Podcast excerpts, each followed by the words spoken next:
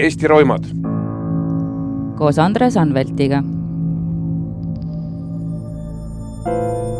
Eesti roimad on taskuhääling, kus Andres Anvelt ja Postimehe ajakirjanik Dagmar Lamp räägivad Eestit raputanud kuritegudest ja siin jõhkrutsenud roimaritest. oleme jätnud endale vabaduse kannatanute kaitseks teatud detaile muuta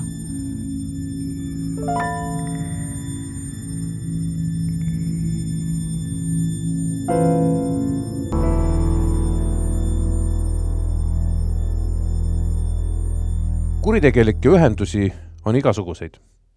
kuid märksa harvem juhtub seda, et kuritegelik liin kandub edasi põlvest põlve ning kelmusi, pettusi ja isegi mõrvasid sooritatakse ema-isaga kõrvu ja käsikäes.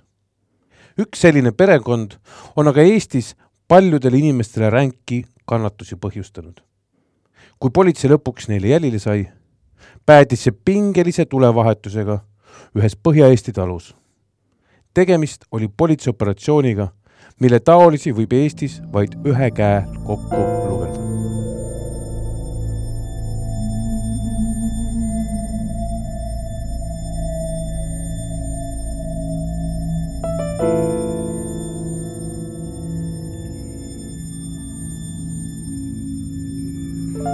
tere, head kuulajad, mina olen Postimehe ajakirjanik Dagmar Lamp ja minuga on stuudios Andres Anvelt. hei, hei! Sa pole mind jätkuvalt maha jätnud, kuigi nüüd me jätame üheskoos kuulajad maha, sest et täna on meie viimane saade selles hooajas. täpselt nii ongi, jah. loodetavasti ei jää see nüüd viimaseks ja, hooajaks. ja ma kindlasti soovitan äh, nendel palavatel suvekuudel äh, rannas päikest võttes neid äh, äh, jutte, podcast'e, taskuringhäälinguid rahulikult üle kuulata või esimest korda kuulata, sest rannas on ju tegelikult soe päikseline ja seal äh, ma loodan, on neid ohtusid palju vähem kui pimedal äh, sügis- või kevadõhtul äh, metsajooksu tehte. see on äh, tõsi. mina muidugi oleksin siin saate lõpus soovinud head roimavaba suve, aga siis sõitsin täna hommikul linna ja kuulasin mingit laulu, kus olid sõnad, et mis oli, pidi olema armastuslaul ja sõnad olid sellised, et noh, midagi, et, et kui sina ükskord lähed uksest välja, siis mina tulen sulle järele, ma loodan, et tehakse topeltkirste.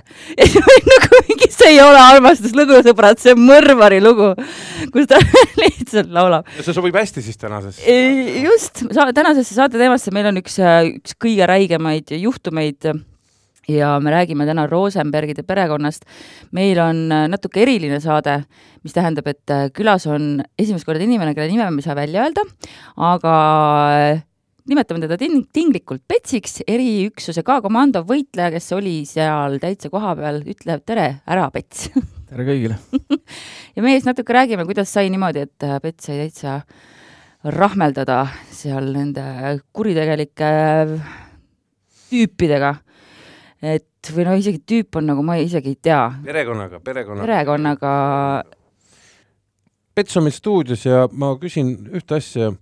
ma arvan, see ei ole väga suur saladus. kõik see asi, millest me rääkima hakkama, hakkame, toimus üheksakümne viiendal aastal, sellest on kakskümmend neli aastat tagasi. üheksakümne viiendal aastal, kaua sa olid eriüksuses juba töötanud, mitu aastat?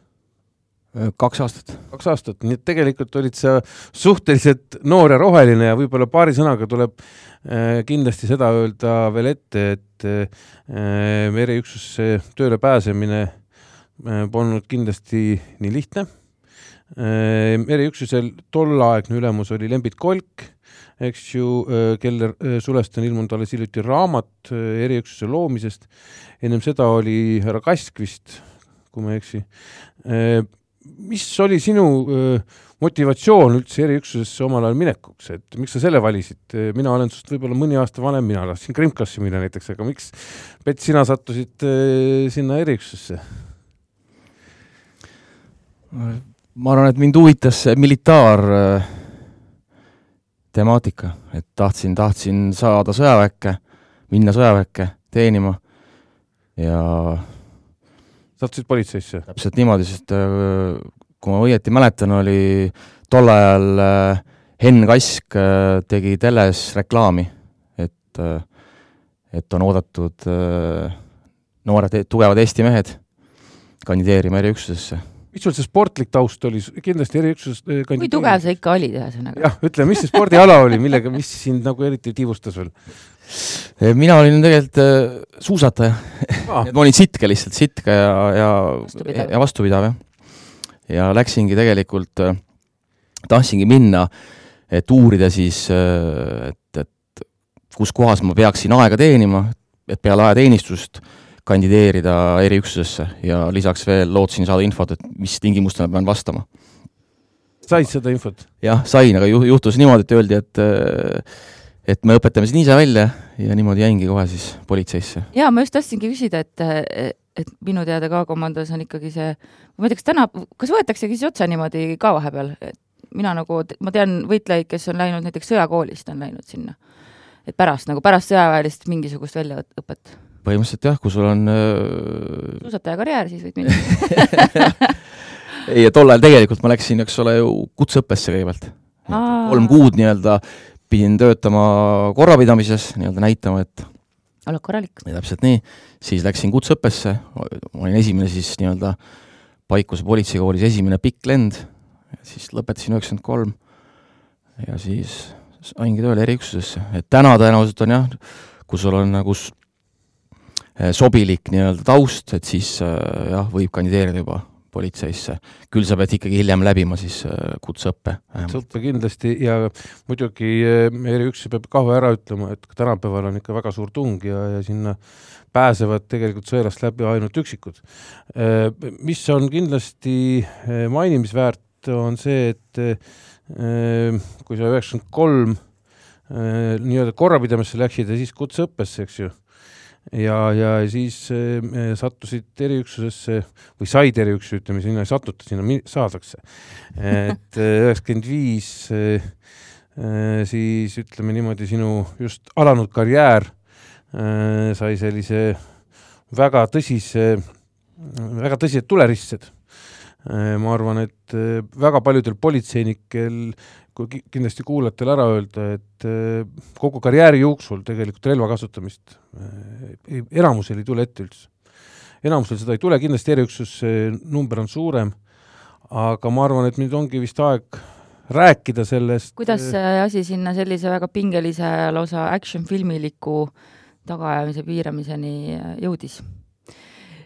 See on nii vastik lugu, et seda on õudselt vastik, vastik oli seda tausta teha, vastik oli seda veel siin mustanditesse kirja panna ja kuuekümne esimesel aastal sündis kahelapselises töölisperes selline härra nagu Margus Rosenberg.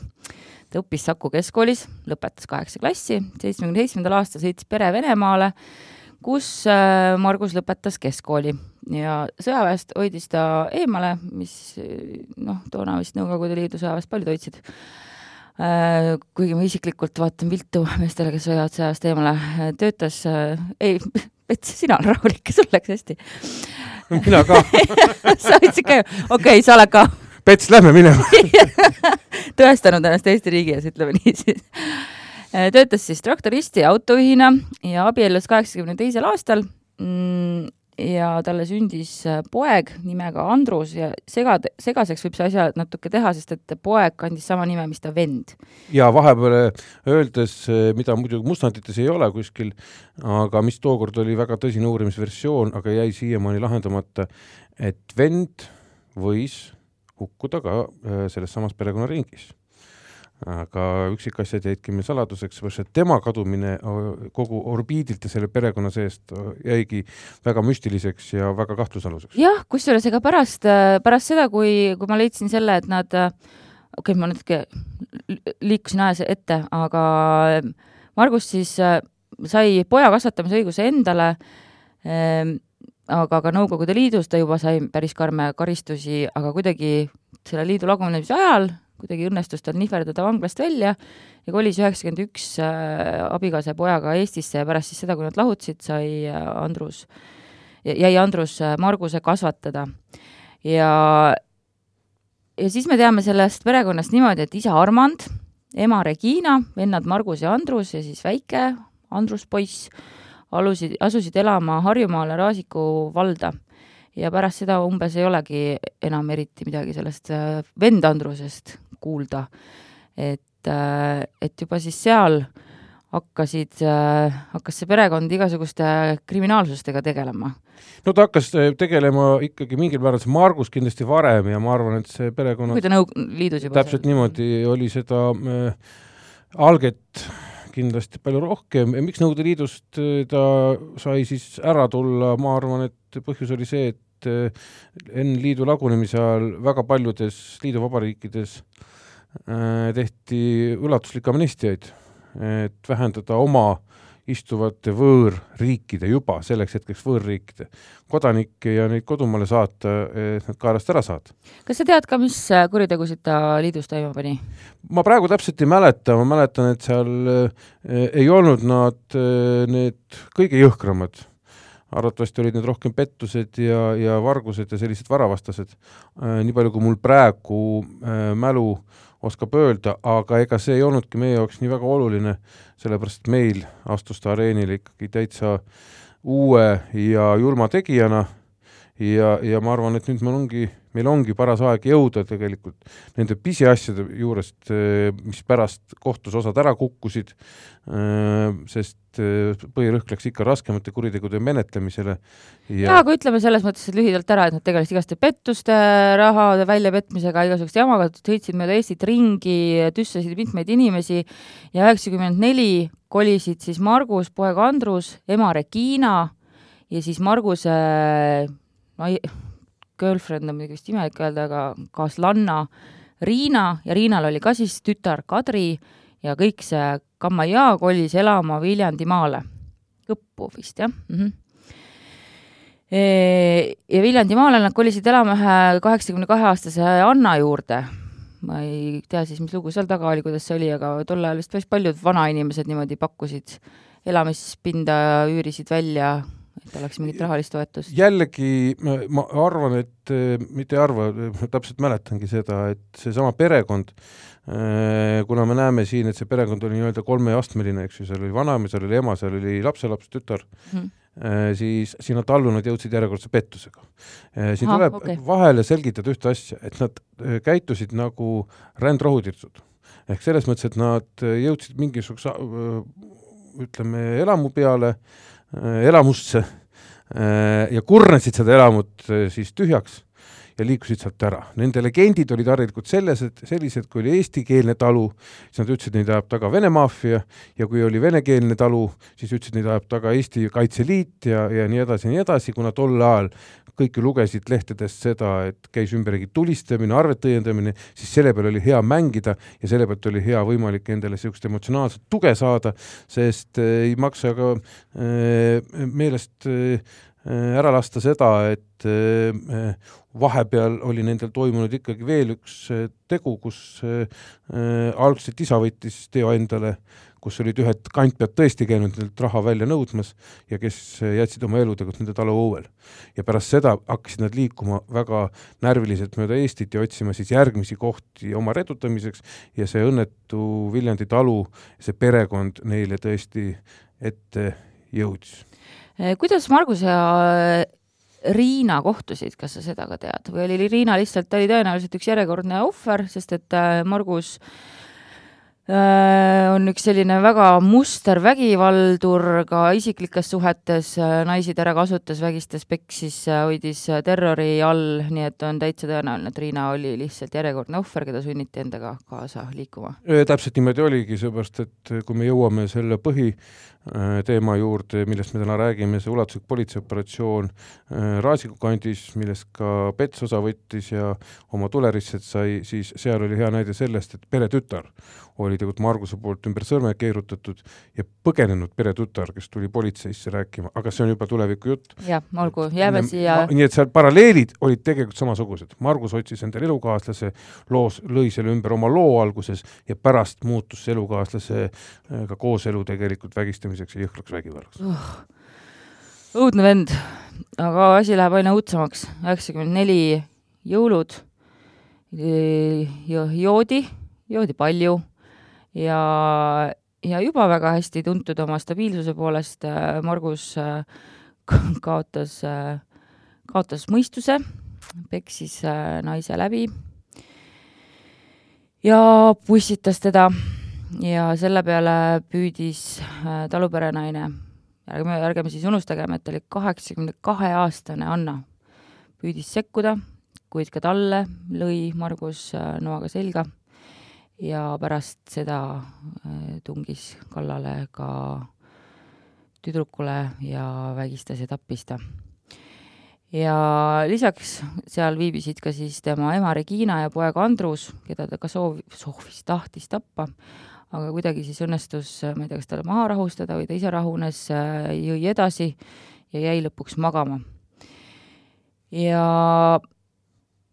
ja seal majas nad elasid kolm päeva koos surmatu kehadega, kuni siis ilmselt äh, piisavalt kainenesid ja otsustasid tule otsa panna ja see tuli oli siis see, mis viis politseinikud nende jälgedele nii ta oli jah, ja äh, kindlasti äh, tuletas meelde äh, nende inimeste mälestusi, kes sellel sündmuskohal olid, eelkõige äh, Urmas Krüüger, tuntud uurija, siis äh, see oli tõesti üks väga jõhker sündmuskoht, sest iga hetkega, kui seda sündmuskohta, mis oli algselt tulekahju äh,, Äh, edasi uuriti, tulid välja aina hullemad faktid ja pärast siis ka hilisemate kohtumete ekspertiiside käigus jah, seesama asi, et äh, need rohked noahaavad, äh, sisuliselt pea kõiki vägistamine, see näitas seda, et seal oli toimunud ikkagi väga raske ja julm mõrv, mis pani kindlasti politseinikel tol ajal äh, ikkagi kõik võimalikud instinktid tööle, et selline jõhkrutsõja, sest me olime harjunud ikkagi tol ajal pigem äh, igasuguste kuritegelike arvete õiendamiste ja pommiplahvatustega, kus käitusid omavahel äh, tülitsevad arvet, arve õiendavad külmaverelised bandiidid, kes harilikult teisi ümberringi ei puudutanud, siis siin äh, olid äh, süütud inimesed äh, saanud otsa ja väga jõhkralt. ja asja ikkagi nägi pealt ka poeg Andrus, kes oli sellel ajal vist üheksa või kümne aastane, eks ole no see oligi tema elu saatus tegelikult, millest me, ma arvan, saate lõpus saame rääkida, et need asjad ja. ei kao jäljetult. ma küsin vahele Petsi käest, kas sa mäletad, äh, kuidas sa sellest juhtumist teada said või sa said juba siis, kui oli, oli aeg minna või oli see miski, mis toona juba ajakirjanduses äh, tõmbas tähelepanu või kuidagi ei, minu arust seal ei olnud midagi erilist meie jaoks, see suht rutiinne asi, et lihtsalt öeldi, et et mine. raske, raske kurjategija kinnipidamine mm,. et Alust sellest juhtumist alles pärast? jah mm., et, et nii, aga, aga see, see, vabandust, see tea-, info oli meil muidugi olemas, ma mäletan seda, et, et me läksime seda talu ründama vist esmakordselt väga vara hommikul ja oli teada, et ta võib olla relvastatud, sest see informatsioon oli tegelikult uurijatelt juba läbi käinud, sest teda kahtlustati äh, ka tegelikult äh, juba nendest teistest mõrvades, äh, mis puudutasid ühte seda siis nii-öelda arvet tõendamist Äh, ühes talus, kus tuli nendelt võlga tagasi nõudma, nii et see teadmine oli tegelikult olemas, nad võivad olla relvastatud, kui relvastatud, seda kunagi ei teatud mm. -hmm. kuigi siis äh, mindi ju mis info peale, et kui me nüüd natukene hüppame edasi, peale seda Viljandi tapatööd, nad ju peitsid ennast järjekordselt ja siis nad kõigepealt olid ühes Lasnamäe korteris, jällegi oli uus armastus nii-öelda, Margus Rosenbergil keegi Galina nimeline Äh, kes oli tõesti, ma mäletan tema enda ütlusi meil politseimajas, kes tegelikult oli jõhkralt vägistatud, oli seksiorjaks muudetud. ja, ja nad läksid kõik Aruküla äh, peidupaika. ja nüüd see Aruküla peidupaik oligi seesama, äh, mida siis meie eriüksusega koos läksime üle võtma. see oli mitte kõige eraldatum talu, seal olid teised talud ka kõrval, aga nüüd äkki annakski eh, pigem sõnajärjekorra Petsile, et, et ma lihtsalt täpsustaks ennem selle, et ega seda oma eelnevat mõtet, et ega me võtame alati nagu kuidas öelda siis, võrdselt kõiki kurjategijaid, kui me läheme kinni pidama, et sealt nad või, võib asi ohtlikuks minna, et mm. vahet ei ole, et näiteks on narkodiiler, siis teoreetiliselt võib ikkagi alati tekkida raske olukord, et selles mõttes me oleme valmis alati. alati valmis selleks, et tegu, vastas võib olla relv, mida me ei tea, eks ju, nii et selles mõttes äh, ma arvan, et see on nagu see eriüksuse väljaõppe üks aluseid. ma ütlen enne siin ka mõned siis faktid, kui me sinna seal nendesse päevadesse pikemalt liigume, et noh, see Kalina juures kui see mõrv, jõhker mõrv toimus äh, jõulude paiku ja need aastavahetuse paiku hakkasid siis äh, ringi liikuma, siis ka Liina juures nad elasid mitu kuud, Galina põgenes, jõudis politseisse, pärast seda siis äh, liikusid ka need rändrohutirtsud edasi ja oleme augustikuus kakskümmend viis, kakskümmend neli, kakskümmend viis august tuhat üheksasada üheksakümmend viis. ja olid siis nad jõudnud Arukülla mm. -hmm. kuidas, kes see ütles, et nad seal on? See informatsioon tuligi sealt Kalinalt tegelikult. aa, Kalina juba teadis, et ta, aa, oota, Kalina oli Arukülas kaasas ja sealt põgenes. ahah, okei, okei. ja, ja kui ma mäletan õieti, ta põgenes veel akna kaudu ja äh, Kalina kirjeldas ka seda äh,, et ta on näinud relvi seal nii et, et selles mõttes oli ka see eelinformatsioon, aga kuigi nagu Pets ütles, ega see eriüksuse töömeetod ei muuda, et minnaksegi selle mõttega, et teisel pool võib olla relv, isegi peidetud relv. uskumatult vapper naine tegelikult ikkagi, ma ei kujuta ette, mis no see ikka ongi jah, oma elu eest põgenemine. see oligi elu eest põgenemine, sest seda ma mäletan isegi visuaalselt, et ta oli ikkagi va-, vatti näinud, nagu öeldakse Äh, ja, ja meie jaoks oli see suur läbimurre, seepärast et me saime aru, et tegu on Rosenbergidega, tege-, keda me tegelikult juba otsisime üle Eesti. Pets, antakse sulle käsk, kuidas siit edasi toimub? meil, nagu ma mäletan, siis äh, öeldi, et äh, see Margus pidi öösel koju tulema kõigepealt me, kas sa esimesel talu ründamisel olid siis, kui talu nii-öelda pikali joosti ja siis tuli alles välja ju, sinna talus oli kõigepealt tema isa, tema ema ja see väike poiss, Andrus. tõenäoliselt ah, mitte. Armand oli nendega liitunud ja, siis? Armand oli vahepeal ka jooksus, sest et ta võttis selle kantpäevade tulistamise enda peale. no ta oli mingi legend. Armand, jaa, ta võttis selle enda peale, aga see on me jälle jookseme sündmustest ette. tegelikult tal oli, olukord oli selline, et kõigepealt toimus see talu äh, nii-öelda mahavõtmine. Äh,, talu mahavõtmisel võttis osa eriüksus. Äh,, talu mahavõtmisel me Margust seal ei tuvastanud. Talu mahavõtmisel juhtus selline kurb asi, et Regina ja siis see väike Andrus küsisid luba, et kui nad lähevad vangi siis kohal olnud politseinikelt, ma ei hakka ütlema, nimetama kellelt, võivad minna õunu korjama õu, õuna, augustikuu, suurest õunaaiast, mis seal väljas olid, ja sealt nad panid jooksu. issand jumal! nii et koha pealt tegelikult me läksime sealt ära ainult Armandiga, sellepärast et Regina ja väike Andrus said jooksu ja Margus oli kadunud. ja äh, siis tehti otsus meil ei olnud mõtet seal oodata, oli informatsioon, et see Margus, nagu Peets ütles, võib öösel tagasi tulla. Ja nüüd läks asi selles mõttes põnevaks, et äh, me jätsime tallu äh, varitsuse ma küsin ka seda, kui palju pandi energiat Regina ja Väikse Andruse otsimisele? leiti üles samal pärast, samal õhtul, ma sain aru, et järgmisel hommikul? minu mälu, minu meelest, minu meelest nad leiti leiti heinakuhjast üles? jaa, ja nad minu mäletamist mööda püüti kinni õhtul, see oli Aha, väga okay. pikk päev, sest me, see talu võtsime maha hommikul varavalges ja õhtul ennem päikseloojangut helistas üks kohalik külamees, kes oli eh, mitmeid kordi ise ka vanglas istunud, ütles, et ta peitis nad endale heinakuhja tulgi järgi. Nii et tegelikult äh, ta andis nad ülesse, sest ta sai aru, kellega tegu on ja nad saadi kätte sealt, aga varitsus on kõige tähtsam asi, mis jäeti tookord valitsusse. Ja, ja valitsus oli siis kahene üks oli talus, kus olid sina, eks ju, Pets, ja teine oli siis talu ukse vastas lakas, kus oli siis snaiper ja, ja, ja pimedas nägemise aparaat, aga kirjelda nüüd. kirjelda jaa ja,. mis seal, kuidas see kuidas toimus? kas sa oled kapis peidus, oled sa põrandil pikali, vaatad aknast välja? vaatad telekat, sööd võileiba, mängite kaarte. jah, et eelinfo, eelinfo kohaselt siis Margus oli hästi ettevaatlik mees, ettevaatlik mees ja alati äh, nagu see isa rääkis tal, kui ta lähenes oma talule, siis ta alati tegi, kontrollis tükk aega, ta ennem ei lähenenud, nii et otse ei tulnud kohe talu juurde, vaid äh, vaatas, uuris, kas on kedagi võõrast järsku. Ja et siis äh, lõpuks siis tuli kogu aeg äh, lähemale, lõpuks kui jõudis talu juurde, siis tavaliselt ta tegi ümber talu ringi ja proovis aknast sisse vaadata, kuulata, et see oli selline, lihtsalt selline eelinfo, mõtlesime, mis seal ikka, tutvusime siis seal kohalike oludega, tegime plaani ja et äh, jah, huvitav oligi see, et et siis äh, täpselt nii juhtuski.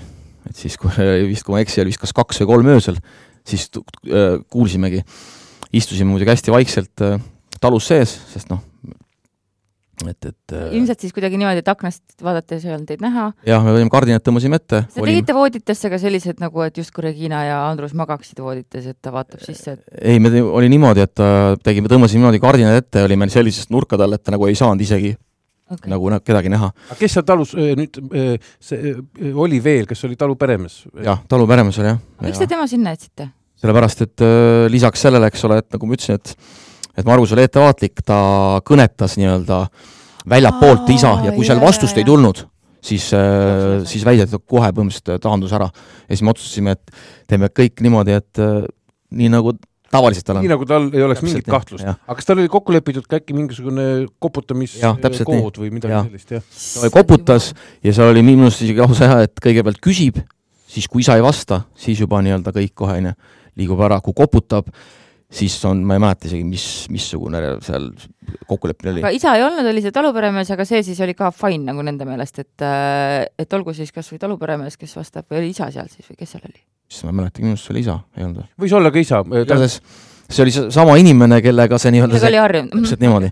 ja siis me nagu otsustasin niimoodi, et noh, et järelikult tuleb kõik teha nii, sest et äh, minu plaan oli see, et äh, proovida ta nii-öelda saada na- natuke sissepoole sinna tallu sisse. seal oli äh, tuulekoda vist, eks ju, tuulekohast sisse saada, et oleks võimalus teda siis kinni haarata, nagu öeldakse. siis jah, et, et, et kõik jääb, teeks samamoodi, eks ole, nagu ta on harjunud, et siis astub tuppa, eks ole, seal siis oleme juba meie.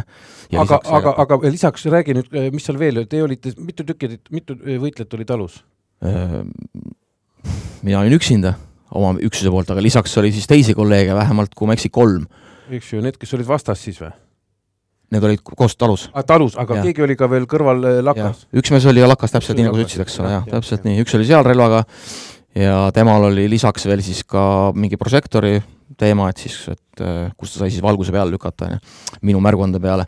ja kokkulepe oli siis selline, et mina talus sees siis, kuna me nagu arvasime, et, et äh, ta noh, tõenäoliselt lähenebki osavalt, eks ole, vaikselt, et siis me ei hakka selle peale nagu, sellega vaeva nägema, et lasemegi tal nii-öelda äh, toimetada nii, nagu ta on harjunud, eks ole, ja, ja et siis tõenäoliselt mina olen esimene, kes siis saab aru, et ta on maja juures, eks ole, ja annab märku siis oma, oma võitluskaaslasele. Ja nii läkski kõik tegelikult, et siis eks siis ta tuligi, kuulsime, eks ole, et ta äh, midagi äh, seal sahmerdab ümber maja ja siis äh, ühe akna juurest üritas nagu aknale tõusta ja akna sisse vaadata. et, et äh, see oli huvitav, et me olime- olimegi põhimõtteliselt nagu meetri kaugusel, eks ole, akna kõrval. ja siis nagu pidime plaani järgima, et oleme rahulikud. Ja et äh, et et kõik teeks nii need samm-sammul, samm-sammul järjest ära need oma need kontrollid. Ja nii läkski, tegigi, kõnetas, isa või kes iganes see vana härra seal oli, see vastas talle ja tuligi, väike detail läks meelest, eks ole, et siis äh, see, see nii-öelda vanahärra, kes seal oli siis, eks ole, isa või kes iganes ta siis oli, et ta väitis, et iga kord, kui ta tuleb, ta tuleb siis relv käes, püstol käes alati. et selles mõttes, et äh, kuigi talle vastatakse kõik, eks ole, nii nagu ta soovib, aga ikkagi ta alati kahtlustab, on paranoiline ja kui tal tehakse uks lahti, siis ta lükkab nii-öelda selle isa eest ära, läheb relv, relv ees kohe talu sisse, kontrollib talu ära, kas on kedagi ole. Jah, siis mõtlesime, et et tore, et, et siis äh, tuligi siis nii-öelda äh, maja ette, toimus siis äh, nii-öelda see kõnekontroll, kuidas öelda selle jah, täpselt, et küsis isa, ta vastas ja kõik on korras. tuli uksele, koputas ja siis äh, plaan oli siis selline, et äh, ma ütlesin sellele isale nii-öelda, et äh, teed, teed ukse lahti ja lased ta nii-öelda siis otse nagu, nagu tuppa minu peale nii-öelda, et ma ise olin tagalpool, tagapool nagu otse tal vastas. ja nii läkski, et äh, kuni selle hetkeni, et äh, no siin on nüüd tähtis detail, eks ole, ma arvan, osad saavad siis aru äh, siin väiksest ja veast, eks ole, et me kaasasime siis plaani nii-öelda selle isa, kes on võõras inimene. täpselt niimoodi. jah, ja tegelikult, eks ole, arvestades ohu, ohu seda, et kuna mulle tundus siis tol ajal, et ma midagi ei muuda, siis on kindel, eks ole, et ma saan ta tuppa. ma just, mina näiteks hakkasin mõtlema seda, et võib-olla neil oli seesama see koputamisrituaal, ta võib öelda, et kõik on korras, aga võib-olla koputab kuidagi teistmoodi vastu, annab vihjena, et näe, keegi tegelikult on majas. no eks need riskid on jaa, olemas. aga no me- ei no sellega me olime valmis loomulikult Mm. mm., eks ole, et aga siis ma olekski liikunud, eks ole ju kohe, kohe nii-öelda peale talle, eks ole, aga noh, me lootsime niimoodi, et siis kavalusega nagu nii-öelda mul on adrenaliin nii- laes praegu seda siis, kuulates. et siis väike pisikene viga, mis võib-olla ma ei tea, noh tol hetkel ma olin noor, kogenematu, tundus, et noh, mis seal ikka, et vana härra saab sellega hakkama, eks ole, väikse ülesandega, eks ole, tee nii nagu aga ei, ei, ei läinud päris nii ja ta ta hakkas kartma, ta vaatas, et minul oli juba automaat väljas, et seisin ja noh, oli aru saada, eks ole, et ta hakkas kartma, vaatas, et et kui tõesti tema see poeg tuleb äh, püstoli ees, mina seisan tal automaadiga vastas, et siis tema seal nagu mingis, mingil määral siis jäi nagu kahe vahele. Ja siis ta avas ukse ja äh, nii-öelda suures hirmus hüppas nagu, hüppas kõrvale. aga see uks oli sellise vedru peal, nii et äh, paar sekundit. jaa, et see oligi niimoodi, me nägime üksteist, et ma arvan, isegi võib-olla see Margus võib-olla isegi mind nägi väga halvasti, aga mina, mina nägin teda selgelt, et oligi relv käes ja, ja uks hakkas kinni minema. et, et see, sest ta ei teinud täitsa ust lahti. ja siis oligi nagu, et niisugune kahe sekundi teema, et jooksid juba nii? ei, ei, ma esimesena andsin käsklused paigal ja siis ta, mulle tundus jah, et hakkab liikuma ja siis ma lasin automaadiga, jah. läbi ukse. ei, osad läksid, no ma arvan, et see läksid nii läbi ukse, kui läksid otse ka, onju. aga noh, ma arvasin, et et mõistlik on lasta tal jalgadesse ja lasin siis hiljem oli sellest vist, nagu ma aru saan, palju nalja, eks ole, et kes mu seda seletuskirja luges, et seletuskirjas sai kirja pandud, et ma lasin ma ei tea, kas viisteist hoiatuslasku vist või? aga mul on, mul on meeles, et mul oli üksik laskude peal kusjuures, mitte, mitte, mitte valangu peal. siin tulebki öelda veel, et too, tol ajal kasutas eriüksus eh, siis eh, Vene relvastust ja kui ma ei eksi, oli siis see, see lühendatud nii-öelda see AKSU. ja AK, AKS seitsekümmend neli U jah jah, täpselt niimoodi, viis koma nelikümmend viis korda kolmkümmend üheksa kaliiber jah. mis tähendab seda, et ta on suhteliselt väikse kaliibriga ja äh, äh, nüüd järgmine etapp, tuli läks ju õues põlema äh,, siis nüüd äh, kolleeg vastas lakast vist pani. kas ta pani tulistamise peale või jõudsid sa seal veel märguannet talle anda või Ei, ta juba teadis? ei, ei, täpselt, mul läks ju see meelest ära, et kui ta ümber maja seal sahmerdas, siis ma juba andsin raadiojaamaga mä- märku oma kolleegile, et ta on kohal, eks ole. et ole valmis, et, et kuna rääkida ei saanud, et, et siis andsin raadiojaamaga, nagu meil oli kokku lepitud, et klõpsudega. lõpsudega andsin märku, et olen kohal. ja noh, siis juba edasi läkski, et nii et äh, jah, tuli, tuligi, eks ole, siis sealt eest äh, nii, aga ta sai haavata. jah, et tal nagu selle see üks neist hoiatuslaskudest ikka siis või tal läks mitu tükki läks tal jalga ja noh, see oli nagu, tal oli väga palju õnne, et ükski ei läinud nagu siis äh, luu pihta. laskemoon oli ka tol ajal lihtne, full metal jacket, nii et eks ole, noh, et oleks mingis natuke spetsiaalsem laskemoon, oleks olnud kindlasti asi lahendatud kohe aga et äh, selline tavaline laskemoon jah, see nagu võib täitsa vabalt lihasest läbi joosta, nii et inimene põhimõtteliselt ei saa arugi stressiolukorras, et ta on lastud Mm -hmm. ja hiljem ma sain, kusjuures mulle toodi kaks, vähemalt kaks äh, siis kuuli, mis talt opereeriti välja mälestuseks, et noh. selliseid asju hoitaksegi mälestuseks või äh, ma ei Kuidas tea, ma keegi- ei tea, lihtsalt tol ajal ma arvan, et need asjad on an- pärast seda, kui asi on juba kohtust läbi käinud, siis need, mis nendega ikka teha, no läheb hävitamisele, likvideerimisele või politseimuuseumisse või siis äh, aga eh, muuseum on ma tahan öelda seda asja, et äh, Dagmar, me räägime üheksakümne viiendast aastast. üheksakümmend viis ei olnud kaks tuhat viisteist, kaks tuhat viis isegi ja mitte kaks tuhat üheksateist. mina olin üheteistaastane. siis olid teised reeglid, teised mängureeglid, teine olukord ümberringi, siis oldi tegelikult igapäevaselt peaaegu nagu sõjas. Nii et see ei olnud äh, äh, täitsa tavapärane olukord, aga nüüd siia juurde tagasi tulles ta pani jooksu, ta suutis ju ära joosta, mis teie tegevust väljas oli, esiteks, okei okay,, tuli läks küll põlema, seal oli vist, kui ma ei eksi, õues oli suur prožektor. Äh,, aga tegelikult oli ju üks kõige tumedam aeg aasta, Augusti augusti, augusti lõpp. mis siis sai? selles oligi asi, et ma sain aru, et noh, et ainult mingi paar sekundit on mul aega, eks ole, siis ma sain aru, et seal olid kohe põõsad olid seal mingi kolme-nelja meetri augusel, et kui me, ma ütlen, oleks ta ära lasknud, siis oleks nagu väga raske olnud ja mulle tundus, et et äh, ma lasen tal, lasen tal jalgadesse.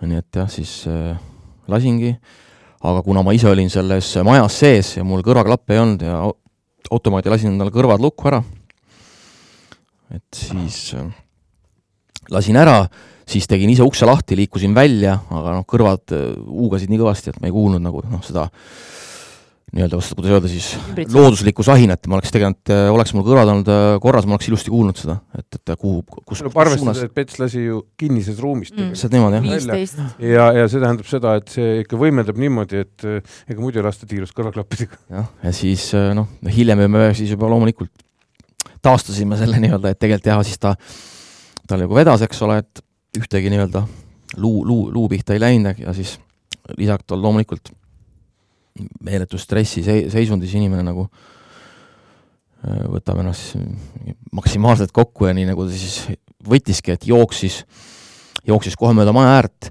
seal oli vana puitlippidest aed, ta jooksis sellest läbi lihtsalt. Ja, ja jooksis mingi sadakond meetrit ja kukkus pikali, et siis nagu sas-, isegi võib-olla sadat meetrit ei jooksnud, et siis nagu hakkas see mõjuma, need äh, lihashaavad nii-öelda, mis seal oli, noh, ma mäletan, vähemalt kolm-neli siis oli pihtas.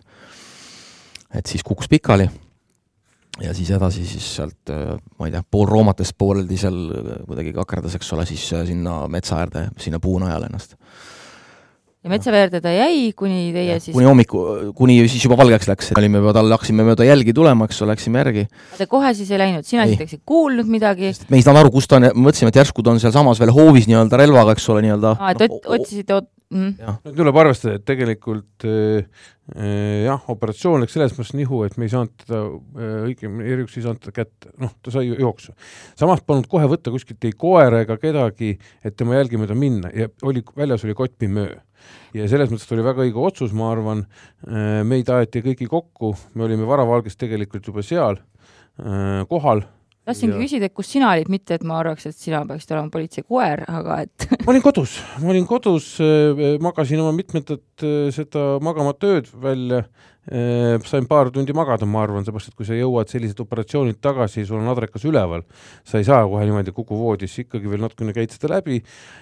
ma arvan, et see kõne tuligi kuskil kolme poole nelja paiku, siis oli autodesse minek, kedagi võib-olla kel- kolleegidest veel peale, nii nagu meil see kogunemine oli ette nähtud ja Padavai siis vilkuritega sinnasamasse küla poole ja, ja siis me alus-, alustasime varavalges neid otsinguid, et tegelikult me otsisime teda ju mitte ainult, see operatsioon läks laiemaks, me kõigepealt arvasime, et ta on ühte tallu läinud, kus talus otsiti teda, siis me saime aru, et sealt talust oli ta ära läinud, talurahvas ütles, et oli korraks sinna tulnud ja oli ta liikunud eh, kõrval asuvasse Rappa.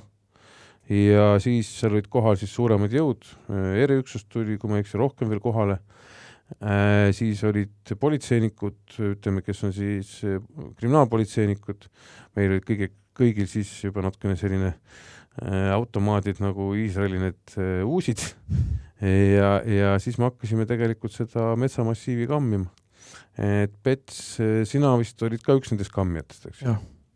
Aga seal oli äh, äh, arvatavasti see, ega meil täpselt seda otsest suunda ei ole, me nägime, teadsime, et see, see talumees, kes ütles, et ta oli sinna läinud kuhugi suuna kätte näidanud, aga tegelikult me läksime suhteliselt umbropsu. koera tol ajal ei olnud jah, imelik. see on küll imelik jah, kui täna oleks, täna oleks nagu kohe põhimõtteliselt käes jah, et jah, et tookord oli sellega Defcanaga öeldakse, aga toona ma saan aru, oli puhas ime, et teil bensiiniga autodes oli, nii et selles mõttes nagu jah, ja, ja äh, mina isiklikult ei olnud tema kinnipidamise juures, ma saan aru, Pets, sina ka isiklikult sellel hetkel seal tema juures ei olnud või olid? olin ikka jah. kas ta, siis on äh, noh, küsimus siis räägi aga edasi. küsin sult kohe, kas ta, kas ta alustas seal metsas äh, ise ka äh, äh, tulistamist? ei, tema ei alustanud? tema lamas äh, puu, selle puu najal oli mingi alus endale maha sinna laotanud ja seal peal oli selg vastu puud.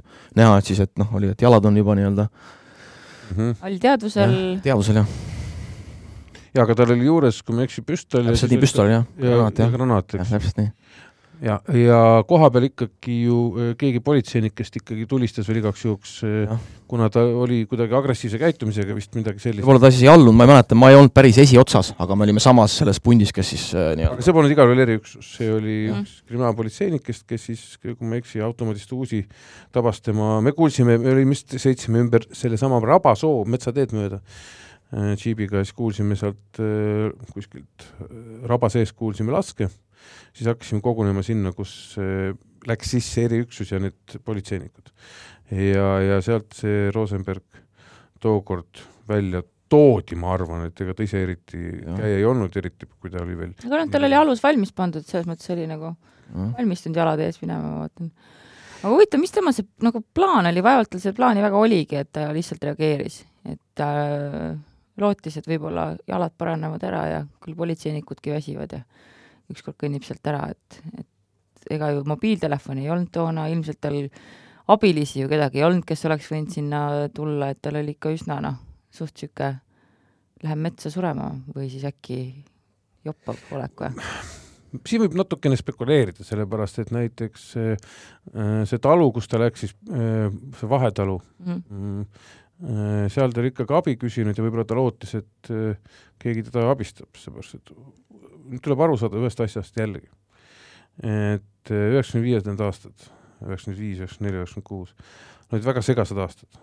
inimesed ei usaldanud politseid ja kui sul tuleb õue peal inimene, kes on läbi lastud jalad, ütleb politsei ajab mind taga, tegelikult politsei on paha ja kõik muud asjad, siis äh, täitsa vabalt ollakse talle valmis ka abi osutama. eriti kui tegemist on sellise meistermanipulaatoriga, eks ole. Täpselt niimoodi ma tahangi öelda. täitsa puusalt tulistada erinevaid et äh, need ajad olid natuke teistsugused mm. -hmm. ja need versioonid olidki talle väga omapärased, sest tuleb arvestada, et ta oli ikkagi väga palju kelmusi sooritanud.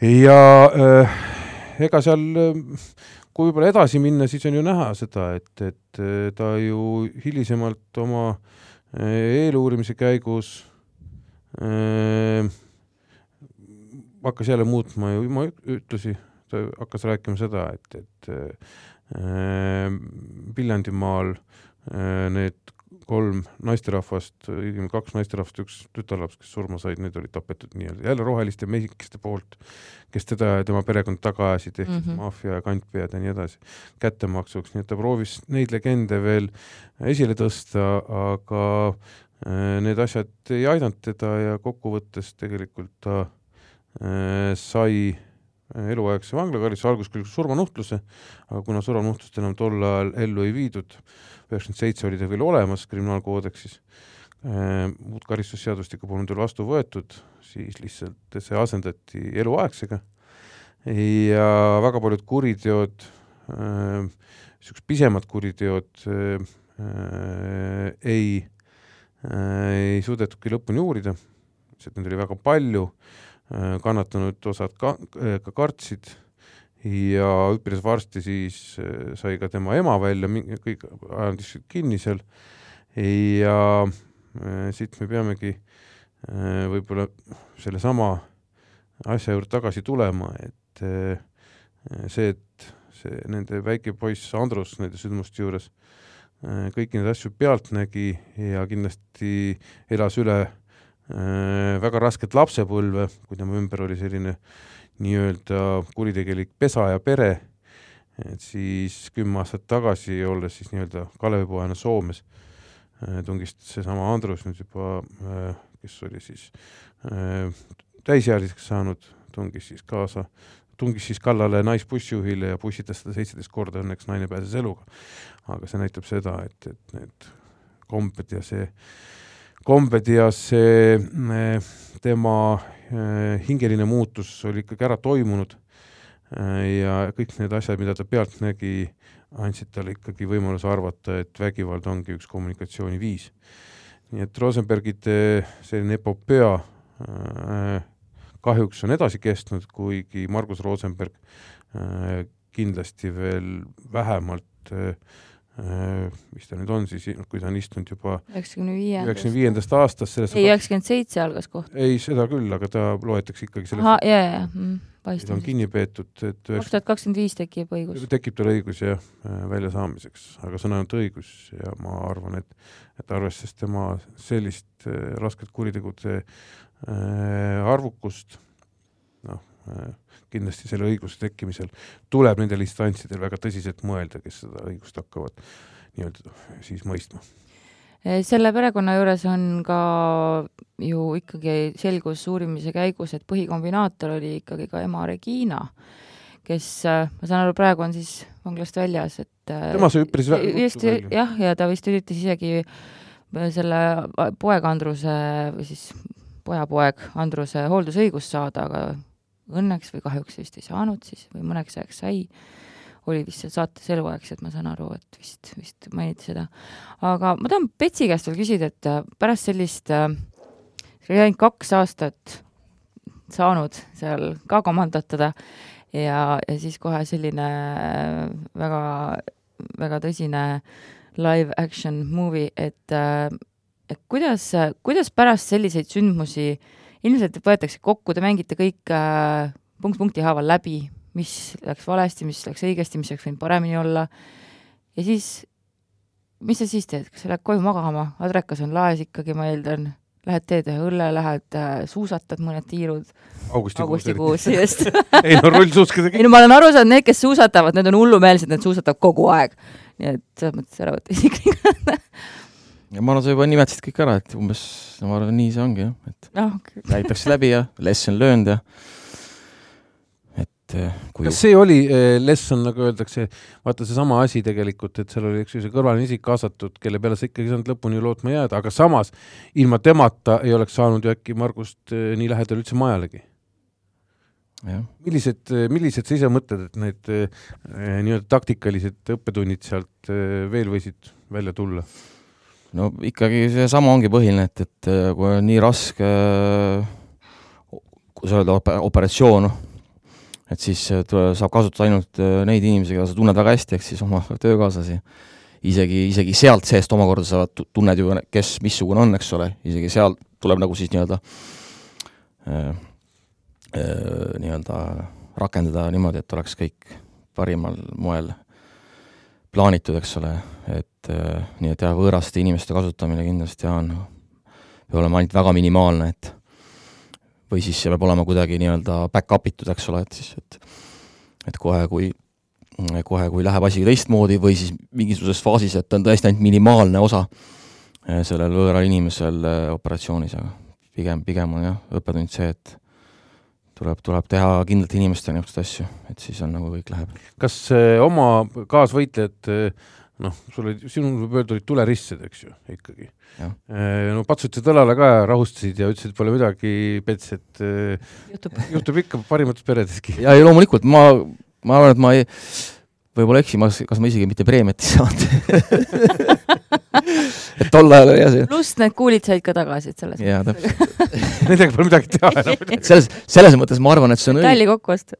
ma arvan, see on õige, et ma olen aru saanud, et äh, tänapäevalgi käib- USA-s niimoodi, et, et siis et äh, kui me meedias praegu siin saame lugeda vabalt äh, üsna, et kui USA-s politsei tegutseb, kasutab tulirelva, siis äh, seda nagu toetatakse, tunnustatakse ja et meil pigem nagu vastupidi, tekib kohe arutelu, et miks, et äh, miks, miks, eks ole, politsei on vägivaldne, aga tegelikult ma saan aru, et see sisu on seal selles, et et USA-s toetatakse nagu seda otsustamist. otsusta, võta otsus vastu ja tegutse. et siis, kui te- tegutseda vastupidi, et siis nagu tekib, tekib ju lõpuks selline nagu praktika, kus öeldakse, et par-, parem, parem ära tee, et muidu on mingi jama pärast, eks ole, aga politseitööd minu arvates niimoodi teha ei saa, et sa pead ikka hetkes tegema. täpselt niimoodi. et, et sa pead nagu olema nagu kindel, et, et noh, et see otsustamine niisugustes rasketes olukordades ongi nagu see võti, ma, leian, et kui kui nii-öelda, nii-öelda õppida seda, et, et pigem, pigem lükka kogu aeg seda asja edasi, et järsku on võimalik kuidagi lahendada rahumeelselt. mitte seda ei peaks nii tegema, aga kui see nii-öelda olukord on käes, et et siis seal on see hästi huvitav nagu see vahe, et mulle tundub, et meil tasapisi praegu on nii, et eh, püütakse jah, nagu, et eh, no siin on kindlasti küsimus ka politsei väljaõppes, et teatud öö, olukorrad ongi nii-öelda, peaks, peavad olema suhteliselt mehhaniseeritud ja rutiinselt kiire otsustamisega. antud juhul öö, öö, vot tuleb nagu vahet teha, et, et öö, kui sul on inimene kuskil siseruumides äh, ei taha lihtsalt välja tulla äh,, sa ei tea, kas tal on relv või ei ole, isegi kui tal on relv, sa tead, et teised inimesed ei ole hetkel nii ohus, siis on tõesti mõtet ju alas mingeid läbirääkimisi pidada, kõiki muid asju, sest eesmärk on ikkagi üks, minimaliseerida kahju. minimaliseerida kahju äh, kõigepealt äh, endale, politseinikule, ümbritsetavatele, antud juhul ma arvan, et siin ei olnud isegi mingisugust reageerimisvõimekust, kui sul on ikkagi püstolitoru sisuliselt näos, siis sa läbirääkimistel ei asu, sellepärast et äh, sa võid jõuda öelda ainult üks sõna, et äh, läbirääkimised ja see on ka viimane sõna mm. -hmm. või seegi jääb pooli, poolikuks. jah, jah, täpselt, et Betsi käitumine oli siin väga adekvaatne ja, ja ma olen rohkem kui kindel, et ikka preemiat vist sai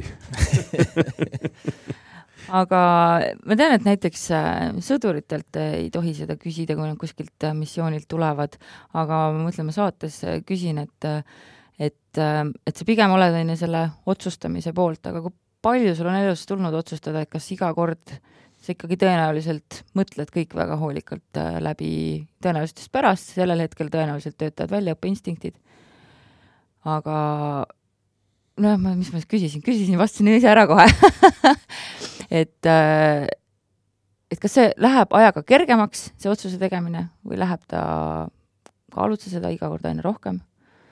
ei, ma arvan, et mitte, et ma usungi, et on, on nagu inimesed, kes sobivad äh, sellesse töösse, inimesed, kes sobivad vähem sellesse töösse, tõenäoliselt ongi, eks ole, kui inimesed, kes sobivad vähem sellesse, siis nendel on tõenäoliselt kogu aeg mingisugune asjade ületamine muudkui käib, eks ole, nad alateadlikult siis äh, püüavadki nagu alati midagi leida või teha, et ära noh, nii-öelda sellest olukorrast nii-öelda kuidagi ma ei tea, põgeneda, pääseda jah, et mitte, mitte te, pigem tegutseda.